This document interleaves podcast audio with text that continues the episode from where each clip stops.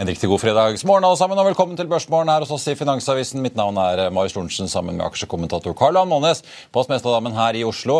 Kalenderen viser 10. november på denne gudskjelov-dagen, der Norconsult skal gå på børs. Den norske inflasjonen har snudd oppover, Otovo henter penger, Doff imponerer, og både Freyr og Norske Skog går på hver sin smell. Vi nevner også BV Ideol, der en aksjonærgruppe vil kjøpe selskapet for 12 kroner aksjen, mot sluttkursen i går på 8,50. Ellers på kalenderen i dag så får vi inflasjonstall fra Storbritannia og industriproduksjon. Og det er jo en rekke kvartalstall å velge fra også, da. I tillegg til Doff er Statkraft ute med tall, Proximar kommer, B2 Impact, Offset Biocare, AF-gruppen Seabird, Techstep og Arendals Fosse Kompani blant flere. I dagens sending så får vi også besøk av den nye sjefen for Nordnett Norge, Mari Rindal Øyen. Og aller først så tenkte jeg bare apropos Nordnett da, å si at Roger Berntsen venter at Oslo Børs eh, vil falle 0,4 fra start i dag. DNB ligger inne med et estimat på minus 0,3 etter oppgangen på 1,2 i går til 1200 og nesten 89 poeng. Kanskje vi ser 1300 i dag hvis vi er litt heldige. Det er jo tall vi ikke har sett siden midten av oktober. På Wall Street så er det jo noen som spør om festen nå er over, etter at eh, Dow Jones i går brøt den sammenhengende novemberoppgangen, eh, eller i forgårs, får jeg si. I går fulgte da SMP 500 opp og også endte i minus. Dermed var da åtte dager med sammenhengende oppgang slutt.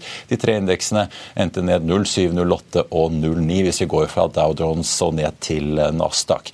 I Asia har vi sett at den litt sure stemningen på Wall Street smittet over, og de store indeksene er i snitt ned 0,7 i dag. De fikk seg også litt kjørt tidligere i uken av de svake og skuffende kinesiske eksporttallene for eh, oktober. Nordsjøoljen holder seg så vidt over 80 dollar fatet. Vi har jo sett syvtallet på starten av oljeprisen denne uken, og det er jo for første gang da siden i sommer. Nå er vi opp 0,6 til 8 90 dollar og 30 cent i spotmarkedet. Vi får også nevne at gassprisen holder seg bra. Snuser nå på da nesten 50 euro megawatt-timen hvis vi ser på TTF-kontrakten for eh, desember. Etter fire måneder med fall viser nå månedsrapporten over norsk inflasjon full kontra, skal vi tro SSB, som er ute med tallene nå på morgenkvisten. Det var ventet, ifølge konsensustall fra Bloomberg, at norske kopien ville tikke oppover fra 3,3 til 3,5. Fasiten viser fire blank, og det er økte strøm- og matpriser som får skylden. Strømprisene har jo trukket ned inflasjonen tidligere i år. Kjerneinflasjonen var ventet å falle noe fra 5,7 til 5,6, økte derimot til 6 blank. Og både mat, flyreiser og møbler får skylden der. DNBs sjeføkonom Kjersti Haugland er allerede ute og mener at tallene taler for at vi får da den varslede renteøkningen fra Norges Bank i desember. Vi skal straks også ta med oss bjelleseremonien på Oslo Børs, får vi si, Karl Johan, men vi må nesten begynne med Otovo som har vært ute og hentet penger? Ja, vi hadde jo eh, konsernsjefen inne her. Han sa jo at de største eierne backet han, og det stemte jo. og eh, De har fått inn 450 millioner kroner til kurs 345. og Emisjonskursen den har nok blitt satt til bokført verdi. for Hvis du går til eh, bokført verdi per aksje utgangen av tredje kvartal, så er den 359. og så har vi jo lagt merke til at hver gang Nysnø går inn med noe, enten det er Nordsjøen eller noe annet, så har de ofte revisor. da. Ja. Så jeg tipper det emisjonskursen det er det er liksom eh, bokført verdijustert ved utgangen av oktober. Jeg har tapt noen 15 øre til eller noe sånt. og Dermed så blir emisjonskurs 345. Og, og Energi tegner 60 av emisjonen. 268 millioner, og eh, øker andelen sin. De hadde 6,8 før. Aksel eh, Jonsson-familien, altså de som eier Axfood i Sverige, øker også. De hadde 19% før, tegner 23% Nysnø er litt sånn symbolsk da, ved å tegne mindre enn sin andel av 6,4% mot 7,2 Og eh, Obos også, da. 1% tegning mot før 3,9% så, så hvis du lurer på hvor strømpengene dine går på når du bor på Sørlandet, altså det er superprofitten fra strømkablene, så reinvesterer da Energi de, da, i Otovo. Og disse pengene her, Nå må Otovo gjøre noe annet enn de har gjort før, for dette rekker, de pengene her holder i ett år hvis de fortsetter sånn som de gjorde før. Da. Så, skal... ja, for Det går jo med store underskudd. Denne ja. var jo egentlig varslet 26.10. Sendte ut en melding hvor de sa at ja. de skulle hente penger. Ja, men Han sa også det at de store eierne backer meg, og, og, det stemte jo. Det var ingen grunn til å Men de har nok sikkert forhandla hvem skulle ta hva, da. Og så har Og Energi da Og Energi har vel omtrent sagt at det, det skal de ta. Vi får med oss bjelleseremonien her, Karl mens vi snakker om Otovo fra ja. Norconsult, som er i gang. Det er vel Egil Hogna som ringer i bjellen fra balkongen. og vi se hvordan det går. da, Børsen, eh, vi får bare nevne da,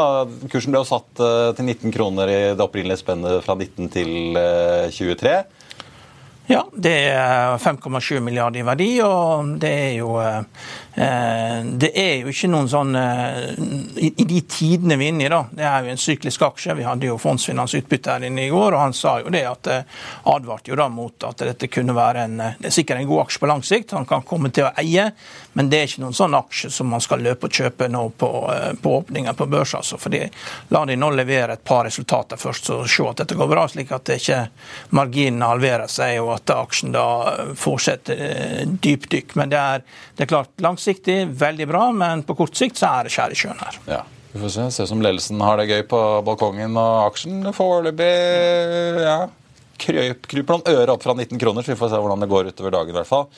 Men jeg tenkte på bare Nå sier jo, nå sier jo Tove at de skal bruke pengene til vekst og, og, for å sikre seg veien mot lønnsomhet. Har du noe tro på det? da? Aksjen er jo, nå har jo falt voldsomt nå utover høsten. 80% ned siden nyttår. Eh, men Det var jo ikke store rabatten i den emisjonen. Altså, men det er vel kanskje... Ja, rabatt, ja. Har satt den til bokført verdi. Det er jo den verdien en professor mener en aksje er verdt. Det er bokført verdi. og det, Men Har det kursfallet som pleier å komme med en sånn ja, blir tatt ut i forkant? egentlig da? Nei. Det som, det som, kommer til å skje nå, det er jo at eh, de aksjonærene da, som eier Otovo, men som ikke har hatt samvittighet til å selge for å ødelegge emisjonen, de kommer jo nå til å selge aksjene sine. Ja. Så uh, denne aksjen her kommer nok til å slite, for nå har de fått inn pengene. Men nå må jo de vise da at de kan tjene penger. Uh, og, de skal jo selge elbilladere, de skal selge varmepumper, så nå er det alle mann til pumpene i Otovo. Nå må de vise at de kan eh, Og det er jo selskapets eh, eksistens står på spill, og retten til å ha kontor i Madrid. Det er jo sikkert kult, og da må du stå på litt for å fortjene det. Ja da, vet du. Jeg bare tenkte å merke meg De har jo hyret inn Pareto, dette firmaet Brian Garnier og co. i tillegg til DNB, så det, det betyr jo at eh, vi får jo ikke invitert Helene Kvilhaug Brøndbo, som jo har varslet emisjonsbehov her på analysesiden til å snakke om dette, for hun er vel i karantene nå, antar jeg, i og med at corporate-avdelingen i DNB er med på dette her? Jo da, men det, de, de, må gjøre noe annerledes. Altså, de, de, estimert fri kontantstrøm eh, i år er på minus 506 millioner, og, og neste år minus 492 millioner. Så dette holder i ett år hvis de ikke endrer kursen. De må gjøre noe annerledes. Ja. Skal vi snakke litt om eh, Wall Street i eh, går? Dollaren gjorde jo et lite hopp, og vi så kursene på aksjene tikket eh, nedover. Jerome var på besøk hos Det internasjonale pengefondet. Ja, han, og tale. Han endte med Hvordan syns du det gikk? Det endte med at han ble forstyrra av miljøvernorganisasjoner, og endte med at han banna. Han ville alltid stenge døra, så det var jo litt av et sirkus. Nei, så Det var jo en, var jo en obligasjonsauksjon som gikk der. og du vet, Når du gjør obligasjonsemisjoner, så er det jo sånn at du, du må jo prise ting sånn at de som kjøper det, føler de har gjort en god deal med en gang. Og eh, I, et, en sånn struktur som dette her, da, så ender dealerne typisk opp med 12% av, eh, av det, emisjonen, eh, men her har de endt opp med 24 da. Og Det betyr jo at da mm, Renten fortsetter jo å stige. og, og alle de obligasjonene, alle de 112 milliarder dollarene som ble solgt eh, i går, de er under vann. Der er kurstap. Og det, De som tegner seg i alle typer emisjoner, enten sertifikatobligasjoner eller obligasjonsemisjoner, de hater kurstap. Det er det verste som finnes. Altså, da, da, da, er det liksom, det er svart skjerm. Altså. Det, det, liker de ikke. Altså. For Du kjøper jo dette for å tjene penger, og alle sånne transaksjoner blir priset sånn at du skal tjene litt penger. Du skal liksom tjene fem til ti basispunkt liksom med en gang for den gode følelsen. Det er det som er og så tipper jeg det hjelper vel ikke Jerome eh, ble jo sitert på at eh, han sa at eh, Fed mente De var ikke sikre på om pengepolitikken ennå hadde fått et godt nok fotfeste til å få gjort jobben med å få ned inflasjonen. Nei, men han vet... Alle tegn på om det kommer en økning til eller ikke Nei, men Han vet jo det at han, han vet jo det at aksjemarkedet trives med inflasjon mellom 2-4 Så selv om man ikke får den ned til 2 så må du iallfall få den under 4 og Du ser jo inflasjonstallene i Norge som kom nå i dag tidlig. Kjerneinflasjon på 6% og, og også nominell inflasjon da, på over 4 og, og alle makroøkonomer er ute og sier at nå blir det renteøkning i Norge. Altså, så, men eh, det som skal til for å få ned inflasjonen, er at du skaper nedgangskonjunktur. Og, og Federal Reserve kan jo ikke si dette, her, men sånn som situasjonen er, hvis du følger vekst og inflasjon, så går inflasjonen opp og veksten går ned, og det er det verste for aksjemarkedet. Da, da, du, da, da seiler du altså ned mot Niagara Falls. Da, og du ser jo det på selskapet som rapporterer også, et annonseselskap, Tradedesk, som kom i går, Aksjene ned med 30% på tallene pga. guidance. Det er enormt mange som driver og går ned gjennom kjellerlemmene og blant selskapene. Dette er det farligste punktet i syklusen, eh, og, og nå, nå, skjer det der ute. altså. Det, er, det skjer i dette kvartalet. Det er mulig nedgangskonjunkturen allerede er her. Er ikke snakk om hva som skjedde i tredje kvartal, at det var 5 vekst. Der sannsynligvis er du rundt null nå. Og eh, Da går det en viss tid, og så må inflasjonen ned. Du må skape nedgangskonjunktur. Du må få en kreditthendelse. Eh, hvis man kan skylde på Midtøsten, så er det mye bedre det enn å skylde på at eh, de som steller med private equity og banker i California, ikke vet hva de holder på med. For det, er vanskelig å forklare til folket. Da kommer høygaflene fram, og så stormer de Washington og tar politikerne. Det er mye, viktig, mye bedre at det skjer et eller annet et annet sted som kan ha noe å skylde på. Apropos jeg på å si høygafler, jeg vet ikke om de er ute i Mo i Rana, men uh, vi må snakke litt om uh, Freyr. Var ned 60% siden nyttår i går, før da kvartalsrapporten kom, hvor de altså deiset ned 38% til på New York-børsen. Ja. Uh, men masse nyheter får vi jo si. De minimerer De skal jo halvere kontantbruken sin neste år ned fra, fra 310 ca. til 150 millioner dollar. Birger Steen, ny sjefen der, har åpenbart satt i gang enda mer tiltak enn de hadde gjort fra før før? Ja. Nei, altså det, det um, Freyr er jo komplisert, da, men vi hørte jo selskapet presentere på en konferanse i mars. og eh, Jeg syns virkelighetsforståelsen var mangelfull. da, Når, du, når du, eh, ledelsen tror du kan gå og få en milliard dollar i en sjekk, eh, og som du kan da gå og sende dette videre uten å produsere før du har kommet i gang, det, det, det, er totalt urealistisk. og Vi sa vel det at det, vi sa vel det på tape, det ligger på tape, at det eneste som mangler her, er at de hadde fått et brev fra John Smith fra Nigeria. og at pengene skulle komme, det var bare å sette i gang med fabrikken. liksom. Eh, så, så dumt hørtes dette her ut. Virkelig en virkelighetsfjern ledelse. Så mange fornybarselskaper som mangler virkelighetsforståelse. Og Emisjonen her ble gjort på 11,50 eh, dollar. Kursen har aldri vært over det siden. men Private Equity som er inne her, ledelsen og, og sponsoren, Koch-gruppen, de har alle tjent penger på dette. her. De eneste som taper penger, det er pensjonistene som har investert i dette her, og privatinvestorene i grønne fond som har blitt lurt til rundt til å kjøpe dette på feil tidspunkt. Uh, Freyr er, det er oppskriften på uh, oppskriften på svindel, og ledelsen tror ikke, jeg tror ikke de skjønner hva de er med på. Nå er det jo, sier de at de skal sikre seg en runway på to år med den kontantbeholdningen de har. Da, dette kvalifiseringsanlegget sitt i Mo i Rana. Det er forsinket, kommer ikke i gang eh, i fjerde kvartal i år som man planla. De minimerer pengebruken på Mo i Rana videre for å prioritere USA. Ja. Ja, hvis du ikke klarer å få... Si Norge og Europa fortsatt ikke har stilt opp med et konkurransedyktig svar, som de kaller det til USAs Inflation Reduction Act, og tiltak som Canada har kommet med på samme linje. Hvis du ikke klarer å lykkes hjemme, så klarer du ikke å lykkes i USA på dette her heller. Så det, se på Northvolt, da. Det er mye, mye større. De har kunder, de har, produ ja, de har produsert batterier. Hvor er kundene til Freyr? Hvem er kundene deres? Nidek. Ja, det, ja, da må de sette i gang, da. Det er bare å sette i gang. Japanske partneren deres? Ja, det er bare å sette i gang. Japanerne mangler ikke penger. Renten er jo null i Japan. Det er bare å sette i gang, det. Hva er problemet? Hva er det de venter på? Det skal være generalforsamling for å vedta flyttingen til USA, i hvert fall. Ja, Just do it. Eh, før vi tar inn dagens gjest, tenkte jeg bare må nevne et par andre kvartalstall som har eh, kommet. Eh, AF-gruppen faller kraftig, nesten 7% på sine tall i dag. Doff derimot stiger nesten 5% De fikk et justert driftsresultat på 1,3 milliarder kroner, opp fra en milliard på samme tid i fjor, og litt ja, 5-8 bedre enn ventet ifølge DNB Markets. Ordreinngangen var på over 4 milliarder, og selskapet oppjusterer også BTA-guidingen sin da med 100 millioner omtrent til rundt 4,5 1,8 milliarder kroner for 2023. AF-gruppen fikk et resultat på 103 millioner kroner i tredje kvartal av før skatt. Mer enn en halvering, nesten en tredel av hva det var på samme tid i fjor. Og så har vi da tenkt også å nevne Novo Nordisk, for de varsler at de nå blar opp 42 milliarder danske kroner, snaue 70 norske, for å utvide produksjonskapasiteten på Kalundborg i Danmark for å kunne produsere mer overvektmedisin. Denne famøse Vogovi-pillen, altså. Eli Lilly, konkurrenten, har jo fått klarsignal til å begynne å selge sin i USA. Eh, men likevel, stor business. og Den norske tidligere Statoil-sjefen Helge Lund er jo styreleder i dette danske selskapet som har blitt Europas mest verdifulle. En etterslenger til når vi først er i Danmark. I går ettermiddag så steg aksjekursen i bl.a. Ørsted og andre energiselskaper etter at Bloomberg rapporterte at den britiske regjeringen nå forbereder betydelig høyere subsidier for å få fart på havvindkraftparkutviklingen i landet, etter at de hadde en auksjon nylig hvor det ikke kom inn et eneste bud. Vi skal ta inn den nye Nordnett-sjefen og er tilbake rett etter dette. Vil du bli oppdatert på det viktigste som har skjedd innen finans og næringsliv? Da er det bare å følge med, for hver morgen er jeg, Marius Lorentzen og aksjekommentator Karl Johan Malnes på plass i studio for å ta tempen på dagens marked i Børsmorgen. Og hver ettermiddag oppsummerer vi alt du trenger å vite i økonominyhetene, og det blir selvfølgelig masse interessante gjester. Klikk deg inn på fa.no-tv, eller søk opp Børsmorgen og Økonominyhetene der du hører på podkast. I'll see you in court. Vi sier det ofte litt på spøk, men for deg som driver business, er det aldri moro å innse at du ikke har laget en 100% gyldig kontrakt. Du bør ikke risikere hele firmaet ditt fordi du synes dette med kontrakter er litt stress. En avtale er ikke en avtale. Du kan miste kunder, miste venner, ja, til og med miste inntekter om du ikke lager en skikkelig kontrakt, på alt mulig, egentlig.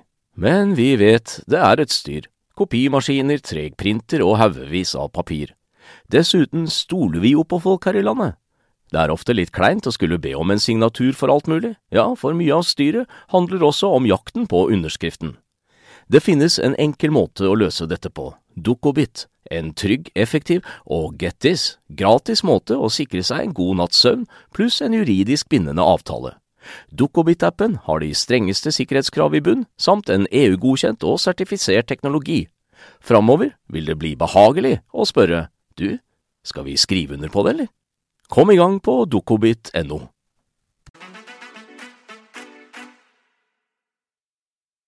Velkommen til Hovedindeksen på Oslo Børs ned 0,1 fra eh, start. Techstep eh, ligger eh, foreløpig uendret etter sin kvartalsrapport. De nedjusterer guidingen for 2023. De sa jo at de så for seg årlige gjentagende inntekter, ARR altså, fra egen software på mellom 110 og 120 millioner kroner.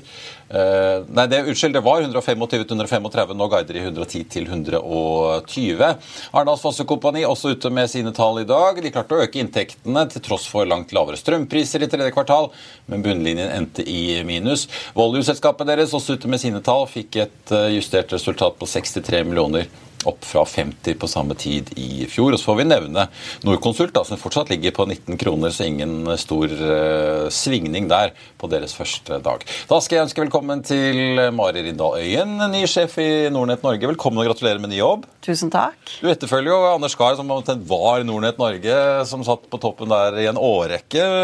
Hva, hva, fikk du, hva fikk deg til å takke ja til å hoppe fra Storebrand over i den store utfordreren i meglerbransjen i Norge? Jeg har jo uttalt i noen sammenhenger at jeg mener det her er den mest spennende jobben i norsk finans. Eh, du var litt inne på det. Nordnett har jo hatt en helt fantastisk vekst. Og all ære til min forgjenger Anders eh, for den jobben som er gjort. Eh, vi har jo nå 390 000 kunder og er den største nettmegleren på Oslo Børs.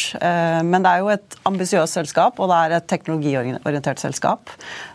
Så jeg syns det var en veldig spennende mulighet. Jeg tror vi har et stort potensial fortsatt da, til å nå ut til enda flere nordmenn. Ja, Det begynner å bli, og ikke bare i Norge, en anselig prosentandel som er kunder hos dere i Norden. Eh, Lars Åke Nordling, eh, sjefen i Nordnett, eh, og din sjef, holdt jeg på å si, så jeg var ute og sa her på Q3 at dere er oppe i dag, ja, 390 000 Norge, 1,8 millioner kunder i Norden. Det stemmer. Ja, Og vokser fortsatt. Ja, ja. Nei, vi har hyggelig vekst. Absolutt. Men er det ikke noe tegn For jeg ser jo antall trades per kunde er jo, har kommet en god del ned og er vel egentlig lavere enn det var før pandemien. Og vi har jo vært gjennom sånn kjempeboom med masse trading, masse nye kunder, ikke bare hos dere, men hos alle meglerhusene, virket det som under pandemien. Ja. Hvordan ser det ut nå? Liksom, det er jo fortsatt kundevekst hos dere, men folk er mye roligere da, eller? Altså, Kundeveksten er opprettholdt, og vi vokser hyggelig. Særlig i, i Norge og også i Danmark og Finland.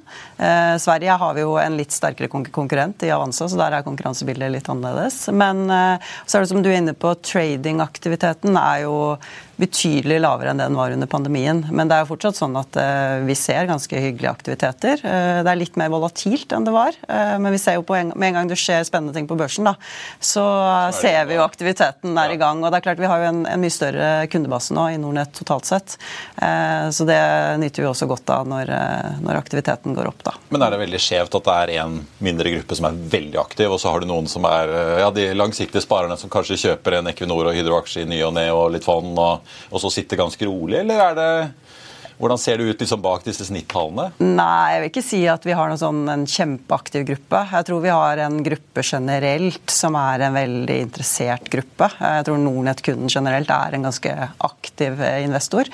Eh, og så er det jo, er det jo sånn at eh, det er klart det er enkeltkunder som, som trader mer enn andre, men, men, i snitt så vil jeg ikke si at vi har noe, sånn, noe som skiller seg ut, nei. Det var jo endringer i pensjonslovgivningen i Norge der at eh, alle kunder måtte velge én plattform å være på.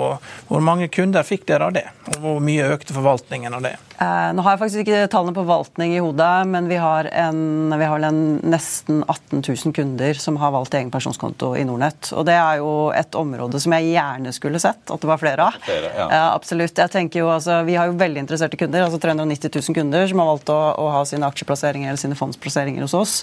Eh, jeg tror jo at flere av de også burde være interessert i hvordan pensjonspengene sine blir forvaltet, og egentlig ta et større grep selv. da. Ja, det Er det selv for de som kanskje sitter og nesten daytrader aksjer, eh, er det et litt sånn område man lett glemmer? Ja, det tror jeg. Jeg vet ikke hvordan det er med dere, men jeg tenker at eh, jeg tror det er veldig mange som tenker at særlig den, den personen som kommer via arbeidsgiver, da, som arbeidsgiver betaler inn, jeg tror man liksom glemmer at det er, eh, det er jo våre penger, penger det også. Ja. Så det hvordan de forvaltes, også hvilken aksjeandel du har, hvilken eksponering du har, men ikke minst også til hvilken kostnad, da, har ganske mye å si. Og det kan jo faktisk du som enkeltperson betale. Jeg skal ikke henge eh, aktører, men jeg byttet faktisk bevisst, for jeg fant ut at den aktøren som er holdt jeg på å si, den automatiske her på huset, ja. der kunne du ikke få 100 aksjer aksjeeksponering. Og så tenkte jeg ok, jeg er ikke 20 år lenger, men eh, jeg kan kjøre 100 aksjer eh, noen år til. og Gitt at det er såpass mange år til jeg skal gå av med pensjon. Jeg tenker absolutt at du kan Og Da byttet jeg leverandør, og da kan, kunne man gjøre det, da. Håper du byttet til Nordnett, da? Nei, det, det gjorde jeg ikke. Men det burde jeg kanskje.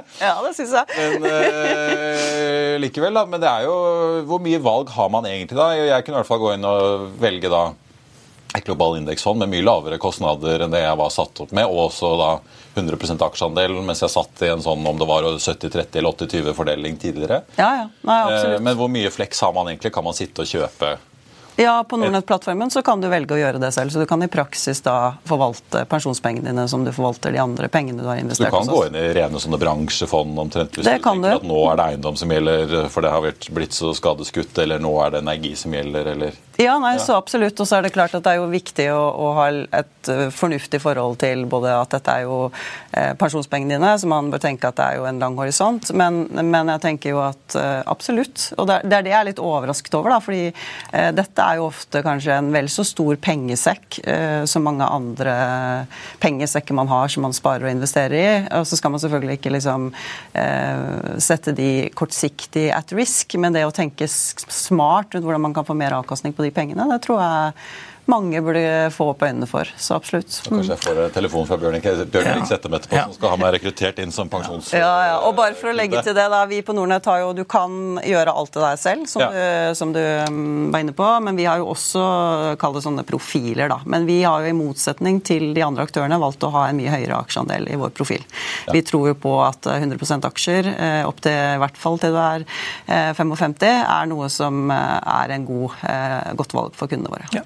Du vet vet at jeg er opptatt av det nye produktet de har lansert med 125% aksjer. og det er jo en... Ja, for det er, det, det, får vi bare si ja, det, ja, 125 indeks i USA. Det, og det er jo sånn vits da fra Greenwich Connecticut der på ungdomsskolen der at eh, barna mobber hverandre. da, At man sier at ja, din far er ikke noen alfa, han er en leverage beta. Altså Han har drevet hedgefondet sitt i ti år, og alt han har gjort er bare å låne opp 25% på fondet. Han har lagt med indeksinvestering, og så har han lånt 25 til null rente. Og dermed fått veldig god avkastning. Og, og Det så jo hedgefondene, altså også den supersyklusen som var, så lærte de seg det at 85% av alfaen kom fra to faktorer. Det var emerging markets og energi. Så hvis du fikk de to faktorene rett men så, så når renten blir null, da så blir det mye lettere. Så levered beta. Men, det, med, men med, med, giring da, så er det veldig viktig at man uh, girer på riktig tidspunkt. Hvis du har det produktet du har gått inn i Norge i 2008, når indeksen var ned med 70% så har du tapt alt. Og jeg vet at dere har fantastisk mange sofistikerte kunder, sofistikerte kunder som vet no, hvordan man skal bruke risiko, men dere har også kunder som ikke vet hvordan man skal gjøre dette. Og det å å belåne indeks i USA når dollaren er veldig høy, rentene er høye, og vi står foran det du kan kalle Niagara Falls, hvor folk kan tape alt. Det er feil tidspunkt å lansere dette på. Eh, dette er et produkt man må lansere når, eh, når folk ikke tør å ta risiko. Da skal man låne.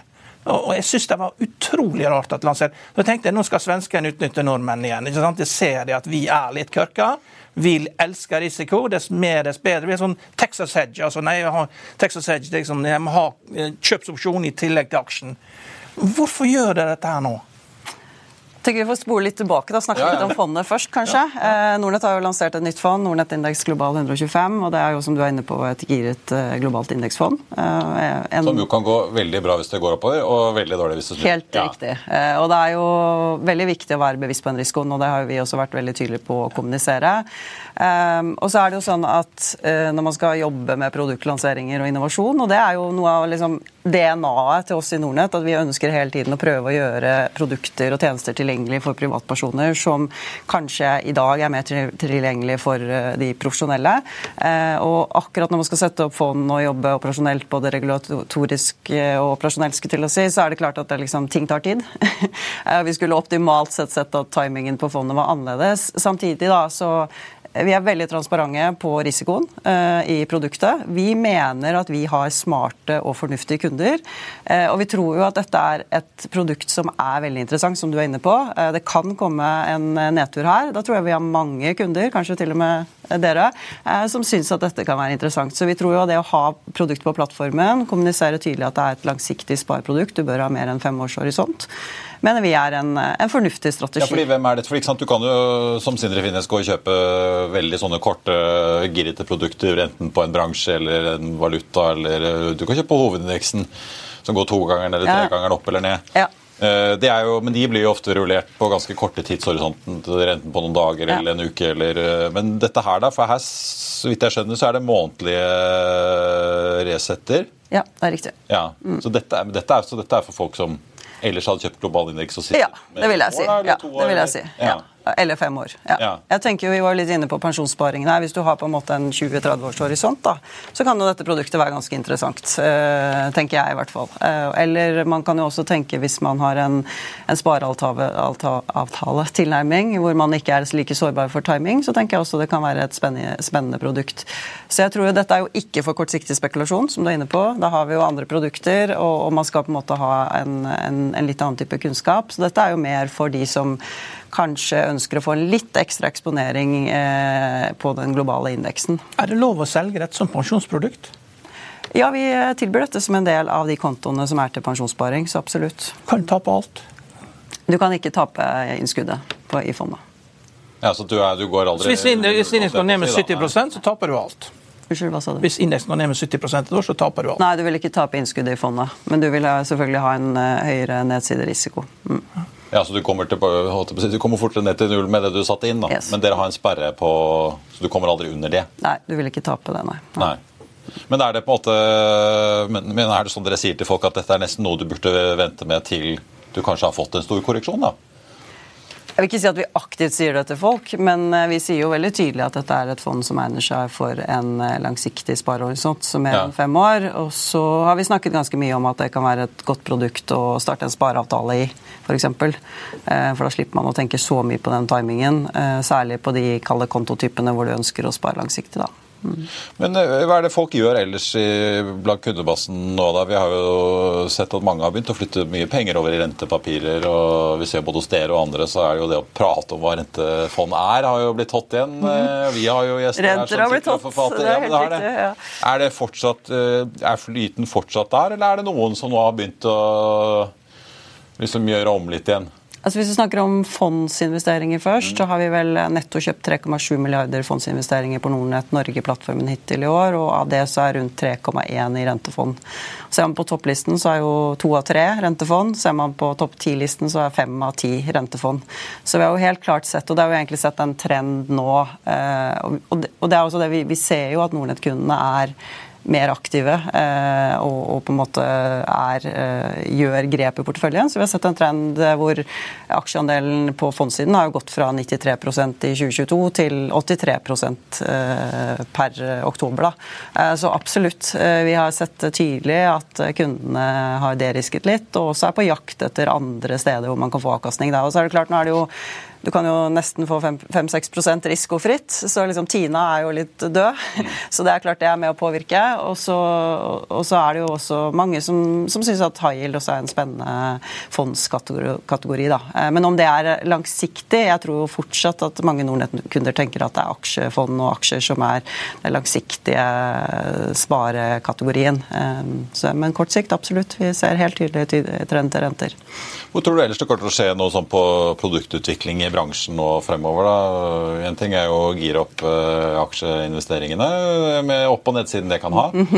Men er det andre liksom, nye ting som dere ser kommer nå, enten hos dere eller i bransjen generelt? Så Det vi har diskutert ganske mye internt hos oss, er jo uh, behovet for det, uh, om man skal kalle det rådgivning eller å støtte møte kunden enda mer. Da. Og det handler jo om at vi er i et litt mer komplekst landskap, og at man kan se at, uh, at den jevne privatperson uh, kanskje har en tendens til å agere feil motsyklisk. Uh, så det er absolutt noe vi har diskutert, og som vi har sett også en, en tendens til i Sverige. Da, at flere har mer fokus på, på råd, rådgivning. Ikke nødvendigvis den, den, tradisjonelle investeringsrådgivningen, men hvordan man kan hjelpe kundene inn i løsninger da, som, hvor man er kalle eh, står tryggere i de valgene eh, man selv har gjort. da. Mm. Men er det sånn da, litt som Karl Johan var inne på, hvis ting går nedover, og vi ser jo også store, kjente aksjer svinge, har jo svingt ja, ganske kraftig på kvartalsrapporter eh, en stund nå, så disse mm. girete produktene, enten det er global indeks eller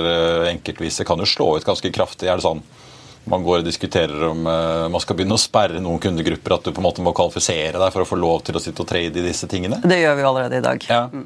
Så vi gjør jo hensiktsmessighetsvurderinger og tester for at du skal trade enkelte instrumenter på plattformen vår. Jeg tenker Hvis dere er bekymret for at folk eh, agerer litt eh, galt motsyklisk, så kan det jo uh, gjøre ting verre hvis du sitter og girer opp. da. Absolutt. Ja. Så jeg tenker altså, vi, jo, uh, vi gjør jo tester på, på de instrumenttypene. Og så, og så vil jeg jo ikke si at vi er bekymret for at folk skal gjøre det, men vi ser jo at det er jo Særlig i Norge da, så har jo, uh, har jo, interessen for sparing og investering økt. Og vi ser at flere og flere sparer og investerer.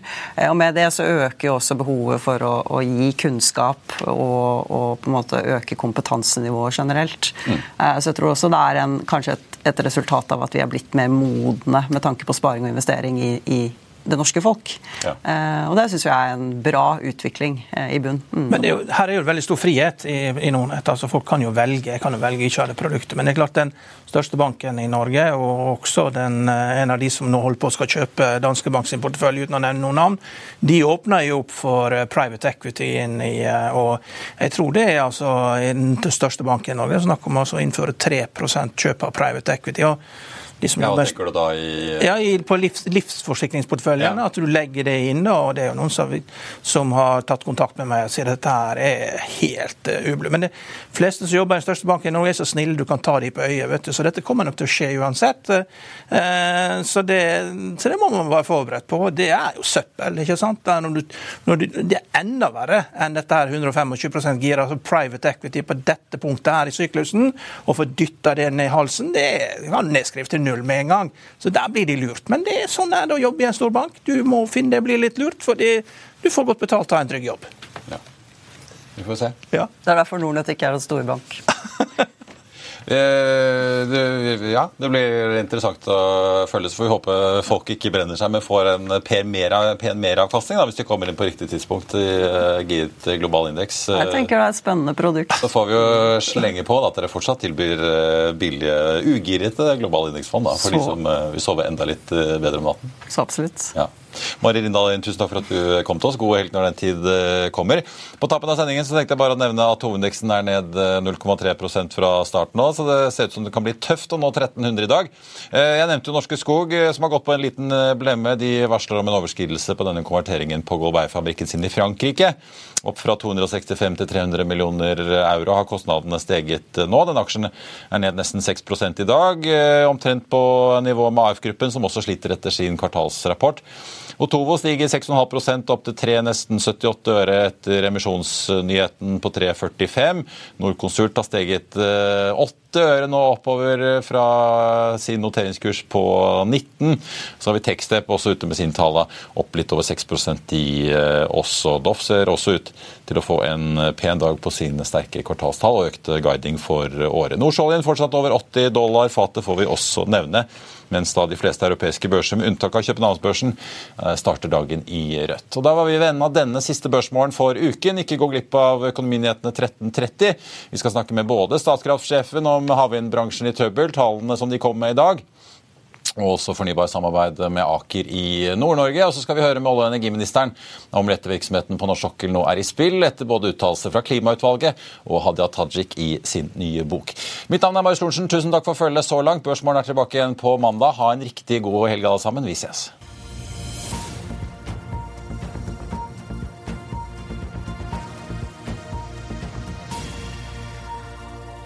Økonominyhetene er en podkast fra Finansavisen. Programledere er Marius Lorentzen, Stein Ove Haugen og Benedikte Storm Bamvik. Produsenter er Lars Brenden Skram og Bashar Johar. Og ansvarlig redaktør er Trygve Hegnar.